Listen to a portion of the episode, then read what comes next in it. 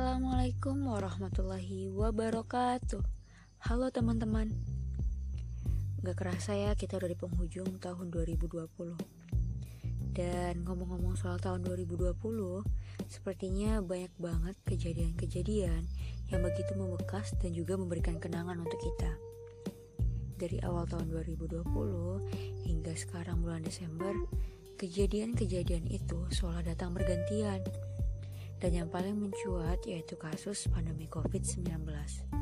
Karena hingga hari ini kasus itu terus meningkat teman-teman. Nauzubillahiminzalik. Banyak sekali dampak yang dirasakan masyarakat. Mulai dari kepanikan, krisis ekonomi, kasus kesehatan, dan bahkan yang paling mengerikan yaitu kematian. Padahal berbagai upaya sudah dilakukan dengan penerapan 3M, menjaga jarak, PSBB di sejumlah wilayah, dan yang terbaru yaitu uh, penerapan new normal oleh pemerintah. Tapi ternyata di lapangan masyarakat masih bingung dengan new normal.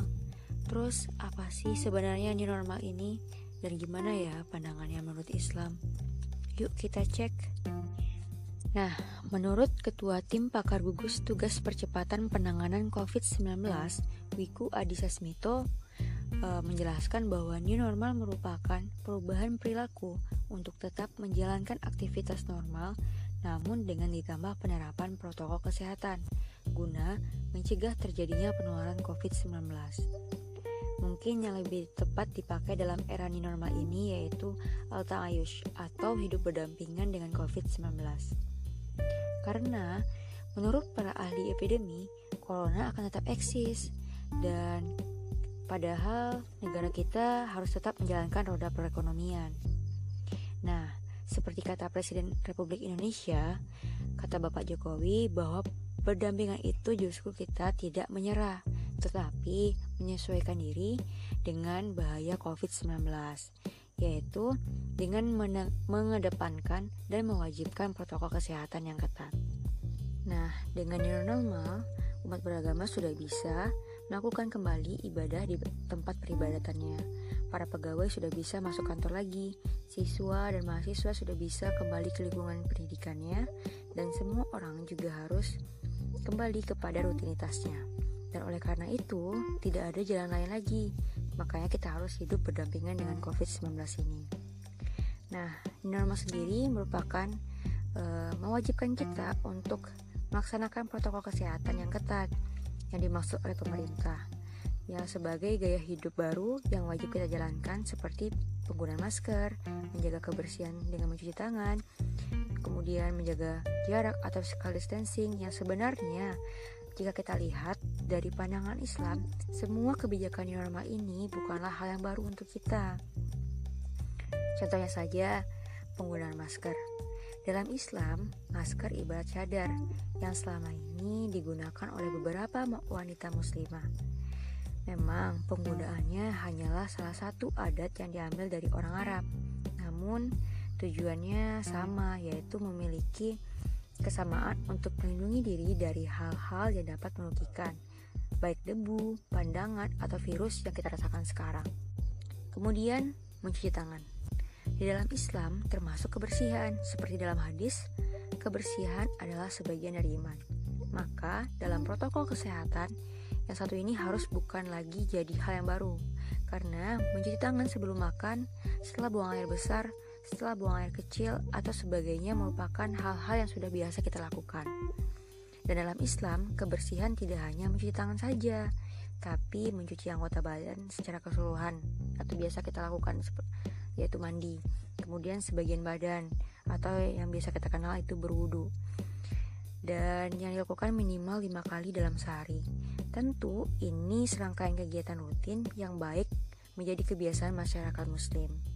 Nah, kemudian ada menjaga jarak atau physical distancing. Yang dalam Islam bahwa menjaga jarak itu karena ada suatu sebab syar'i, misalnya bukan mahram, e, maka kita dilarang untuk berdekatan. Nah, di tengah pandemi ini uh, kita akan terbiasa dalam new normal. Artinya kita selalu menjaga jarak atau physical distancing. dan menghindari kerumunan karena bentuk penularan wabah ini bisa terjadi karena adanya kontak fisik di antara kita. Sebenarnya terlepas kita setuju atau tidak dengan istilah ini, ternyata Rasulullah SAW pada 1400 tahun yang lalu telah memberikan petunjuk sebagai protokol kesehatan dan menjadi rujukan dalam kondisi wabah yang sedang menerpa yang berhubungan dengan perilaku dan etika pergaulan sehari-hari. Nah, dalam sabda Rasulullah SAW yaitu tidak boleh melakukan perbuatan yang bisa membahayakan diri sendiri dan membahayakan orang lain. Ini hadis riwayat Ibnu Majah nomor 2340 dan 2341. Nah, hubungannya hadis ini dengan era normal bahwa kita sebenarnya dianjurkan tetap bekerja atau beraktivitas walau masih di tengah pandemi wabah corona.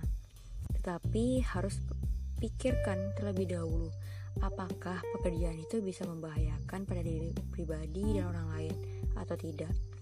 Jika bisa membahayakan, maka harus dicari cara supaya tidak membahayakan. Misalnya dengan penggunaan masker di tempat bekerja atau bekerja di rumah atau yang bisa kita kenal dengan istilah uh, work from home. Kemudian uh, jelas hal ini bisa membahayakan diri kita jika kita tetap memaksakan untuk untuk berada di sekitar orang banyak. Nah, dalam konteks normal harus ada kesadaran semua lapisan masyarakat baik yang masuk ke masjid atau tempat ibadah maupun ke pasar atau ke tempat kerumunan orang banyak, di mana dapat mengacu uh, kerumunan-kerumunan. Nah, hadis ini juga mengedepankan protokol kesehatan, protokol kesehatan harus diutamakan sehingga berbagai kemungkinan masuknya virus corona yang membahayakan ini sebisa mungkin kita tolak.